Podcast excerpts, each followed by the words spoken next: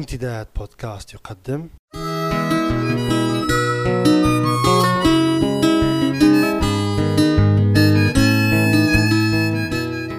رسالة من لندن. مع جمعة بوكليب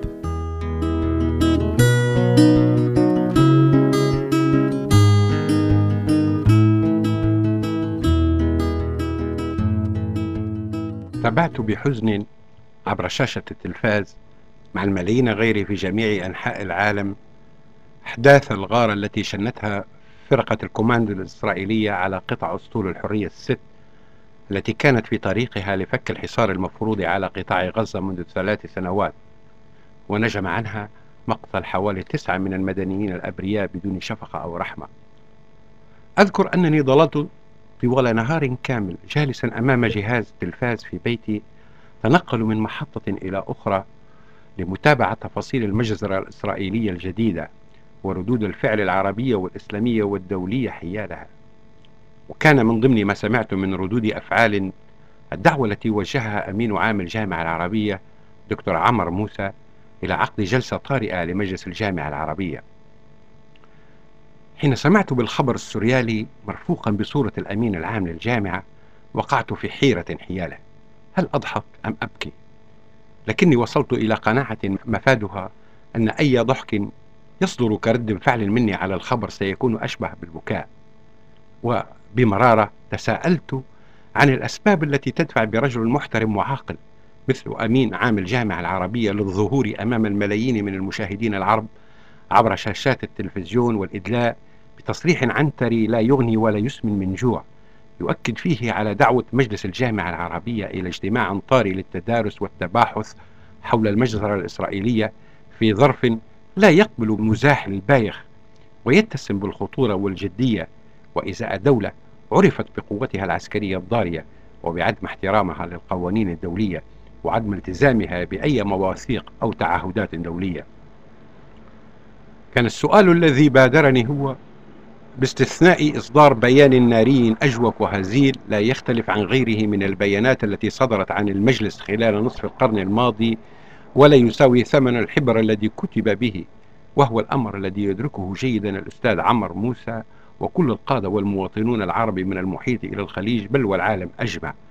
ماذا بإمكان مجلس الجامعة العربية في جلسته الطارئة في حالة انعقاد فعله إزاء إسرائيل الوقت الذي لا يستطيع فيه حتى مساءلة مصر الدولة العضو الأبرز في مجلس الجامعة عن السبب وراء إصرارها على إغلاق معبر رفح لمنع وصول الإمدادات الإنسانية إلى سكان القطاع المنكوب في لندن سيطرت أخبار المجزرة على وسائل الإعلام المقروءة والمسموعة والمرئية وشهدت شوارع العاصمة تظاهرة كبيرة احتجاجا على الفعل الإسرائيلي لأنها تراجعت إلى الصفحات الداخلية بعد يومين أمام زحف أخبار اختيار المدرب الإيطالي كابيلو ل 23 لاعبا يكونون أعضاء الفريق الوطني الإنجليزي الذي سيشارك في بطولة كأس العالم لكرة القدم التي ستقام في يوم 11 من شهر يونيو في جنوب أفريقيا.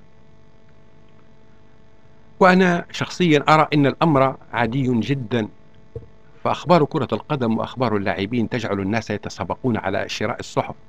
حين أن أخبار المجازر الإسرائيلية لا تحظى بهذه الفضيلة. وهذا يذكرني بالسيد بيل شنكلي مدرب فريق ليفربول لكرة القدم في بداية السبعينيات من القرن الماضي الذي ذات مرة قال إن الناس تعتبر كرة القدم مسألة حياة أو موت لكني أؤكد لكم أن المسألة أكثر خطورة من ذلك. هناك تقرير صحفي ظريف أثار انتباهي نشرته صحيفة ديرة التلغراف اليمينية يوم الأربعاء الثاني من شهر يونيو حزيران عن فندق سافوي واحد من أشهر فنادق لندن وعن الرسام الانطباعي الفرنسي مونيه حيث ذكر التقرير أن الفندق يقوم بتأجير أحد أجنحته والمعروف باسم جناح مونيه بقيمة تصل إلى 720 جنيه استرليني في الليلة الواحدة. وأن السبب في ارتفاع قيمة تأجيره هي قيمته التاريخية حيث يزعم أن الرسام الفرنسي الانطباعي المشهور قد قام باستئجاره والإقامة فيه لرسم عدة لوحات لمدينة لندن أهمها لوحة لجسر واترلو ذات صباح ضبابي التي نشرت مرافقة للتقرير إلى جانب صورة للرسام المشهور وثالثة للجناح. ويقول معد التقرير أن الإقامة في الجناح وبالسعر المذكور عليه يعتبر مضيعة للوقت والمال والسبب هو أن العلماء أثبتوا استحالة أن يكون مونيه قد رسم تلك الصورة من خلال وجوده في ذلك الجناح في فترة الشهور الستة التي قضاها بالفندق خلال ثلاث زيارات إلى لندن عامي 1900 و 1901 بغرض رسم لوحات تحتوي على مناظر نهر الثيمز. ويؤكد العلماء أن مونيه رسم لوحة جسر ووتر المشهورة وغيرها من اللوحات من خلال إقامته في الغرفة المجاورة للجناح أو في الغرف التي تقع فوق الجناح. واعترف فندق سافوي بعد هذه المحاججة العلمية بأن الغرف الفعلية التي استخدمها الرسام لم يكن ممكن تحويلها إلى أجنحة ولذلك تم الالتجاء إلى استخدام الغرف المجاورة لها وتحويلها إلى جناح سمي على اسم الرسام. ولكن سيتم تدارك ذلك خلال عملية الصيانة الحالية التي تجرى على الفندق حيث ستتحول الغرفة الفعلية التي استخدمها مونيه إلى جناح.